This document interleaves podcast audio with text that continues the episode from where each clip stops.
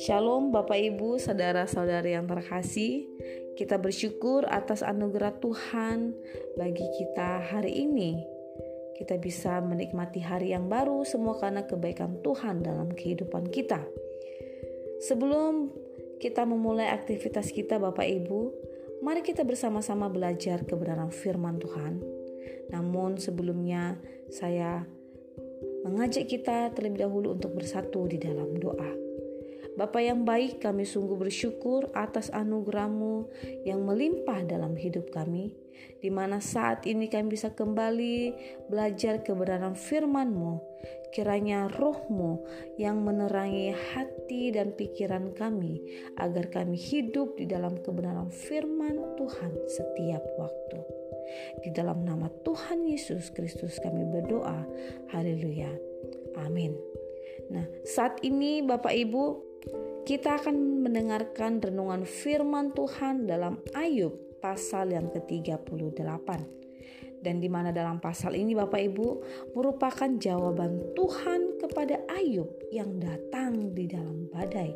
Sebagai jawaban yang Allah berikan atas gugatan Ayub di hadapan Sang Maha Kuasa. Kita bisa melihat di dalam Ayub pasal yang ke-31 ayat ke-35.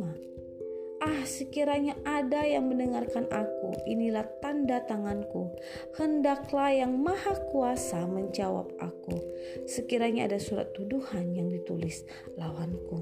Nah, Bapak Ibu, tentulah menariknya di sini di dalam ayat ayat ini khususnya di dalam pasal yang ke-38 kita dapat melihat bahwa Allah sedang menyatakan posisinya sebagai pencipta dan Ayub sebagai ciptaannya.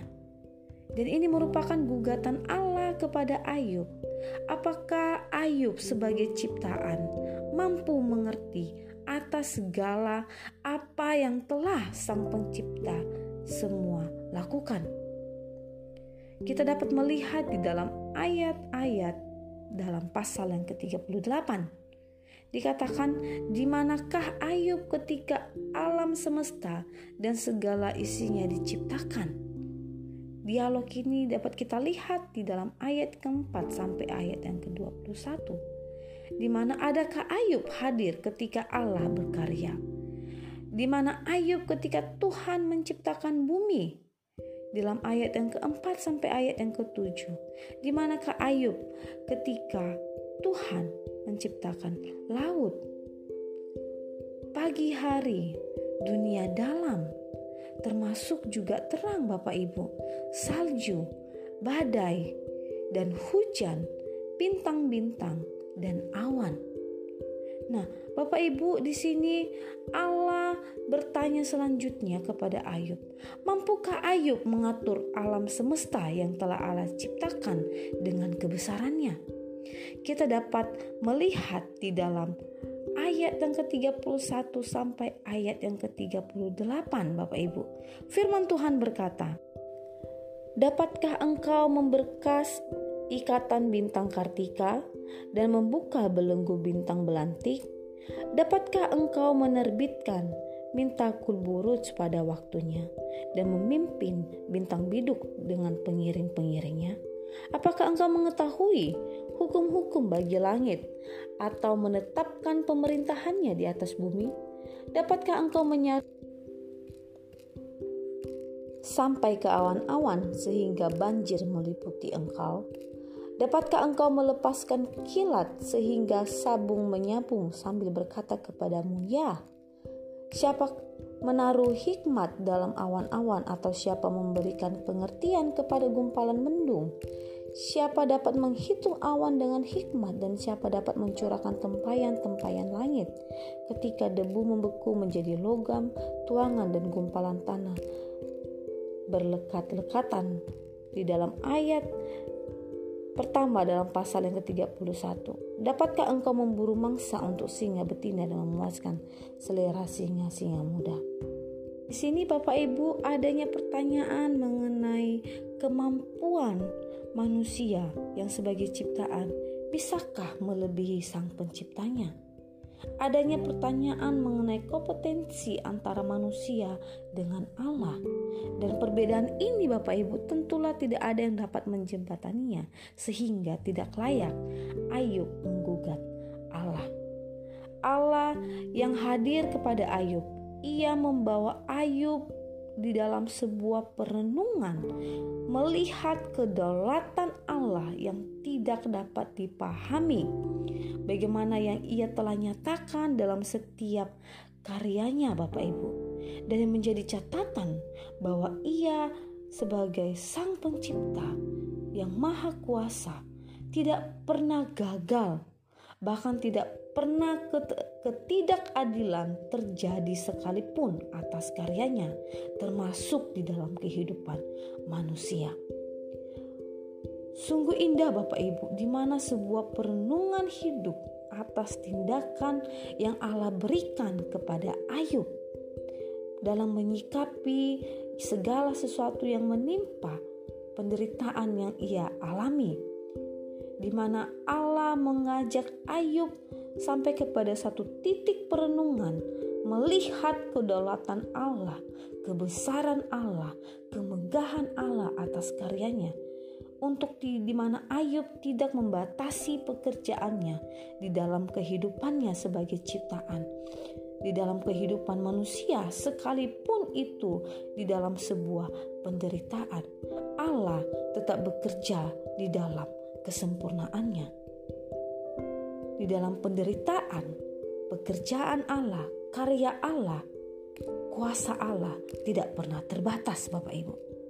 Dan di mana Bapak Ibu pada pagi hari ini ini juga menjadi perenungan bagi saya dan Bapak Ibu di mana pun Bapak Ibu berada bahwa kita sebagai orang percaya sekaligus menjadi penghiburan bagi kita bahwa memang Bapak Ibu kita tidak pernah dinyatakan terluput dari masalah di mana akan ada banyak gejolak-gejolak yang terjadi karena pergumulan yang kita hadapi, Bapak Ibu. Apakah itu seperti yang dialami oleh Ayub? Kehilangan orang-orang yang ia cintai. Masalah ekonomi Bapak Ibu. Hartanya yang hilang dalam sekejap. Mungkin juga Bapak Ibu sedang bergumul di dalam ekonomi yang mungkin tiba-tiba karena di PHK atau susah mendapat pekerjaan sehingga susah untuk makan dan minum. Dan pada waktu yang bersamaan, banyak tuntutan biaya-biaya yang harus dipenuhi untuk kebutuhan keluarga di dalam rumah tangga Bapak Ibu. Atau adanya ketidakadilan yang kita alami. Bahkan mungkin Bapak Ibu pergumulan kita, penderitaan kita juga termasuk di dalam sakit penyakit yang kita derita yang susah untuk sembuh. Mari Bapak Ibu atau banyak hal-hal Bapak Ibu yang membuat kita bergumul saat ini dan mungkin Bapak Ibu ke depannya Bapak Ibu pasti kita akan menghadapi kesulitan, pergumulan, penderitaan. Namun Bapak Ibu yang menjadi penghiburan bagi kita pada pagi hari ini, mari kita melihat bagaimana Allah tetap menyatakan kuasanya di dalam kehidupan kita melalui kita bisa melihat di dalam karya Tuhan atas alam semesta bahwa Allah bekerja di dalam kesempurnaannya. Allah tetap bekerja sekalipun kita berada dalam kesulitan. Allah bersama-sama dengan kita.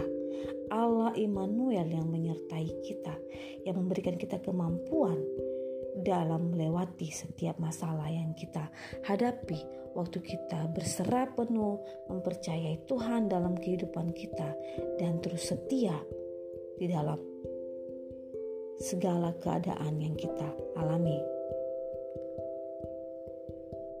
Kiranya kebenaran firman Tuhan pada saat ini menguatkan kita kembali untuk tetap teguh di dalam iman kita kepada Tuhan. Waktu kita melihat penderitaan, kita melihat kebesaran Tuhan akan dinyatakan dalam kehidupan kita. Terima kasih Bapak Ibu, Tuhan Yesus memberkati dan saat ini kita akan bersatu hati berdoa syafaat buat kerinduan GSCA Bethesda Ministry atas gedung yang baru untuk kemuliaan nama Tuhan. Mari kita bersatu di dalam doa. Bapa yang baik, kami sungguh bersyukur mempunyai Allah yang sungguh luar biasa, yang kami percaya, yang kami sembah. Engkau menciptakan alam semesta ini. Engkau Tuhan bekerja di dalam kesempurnaan.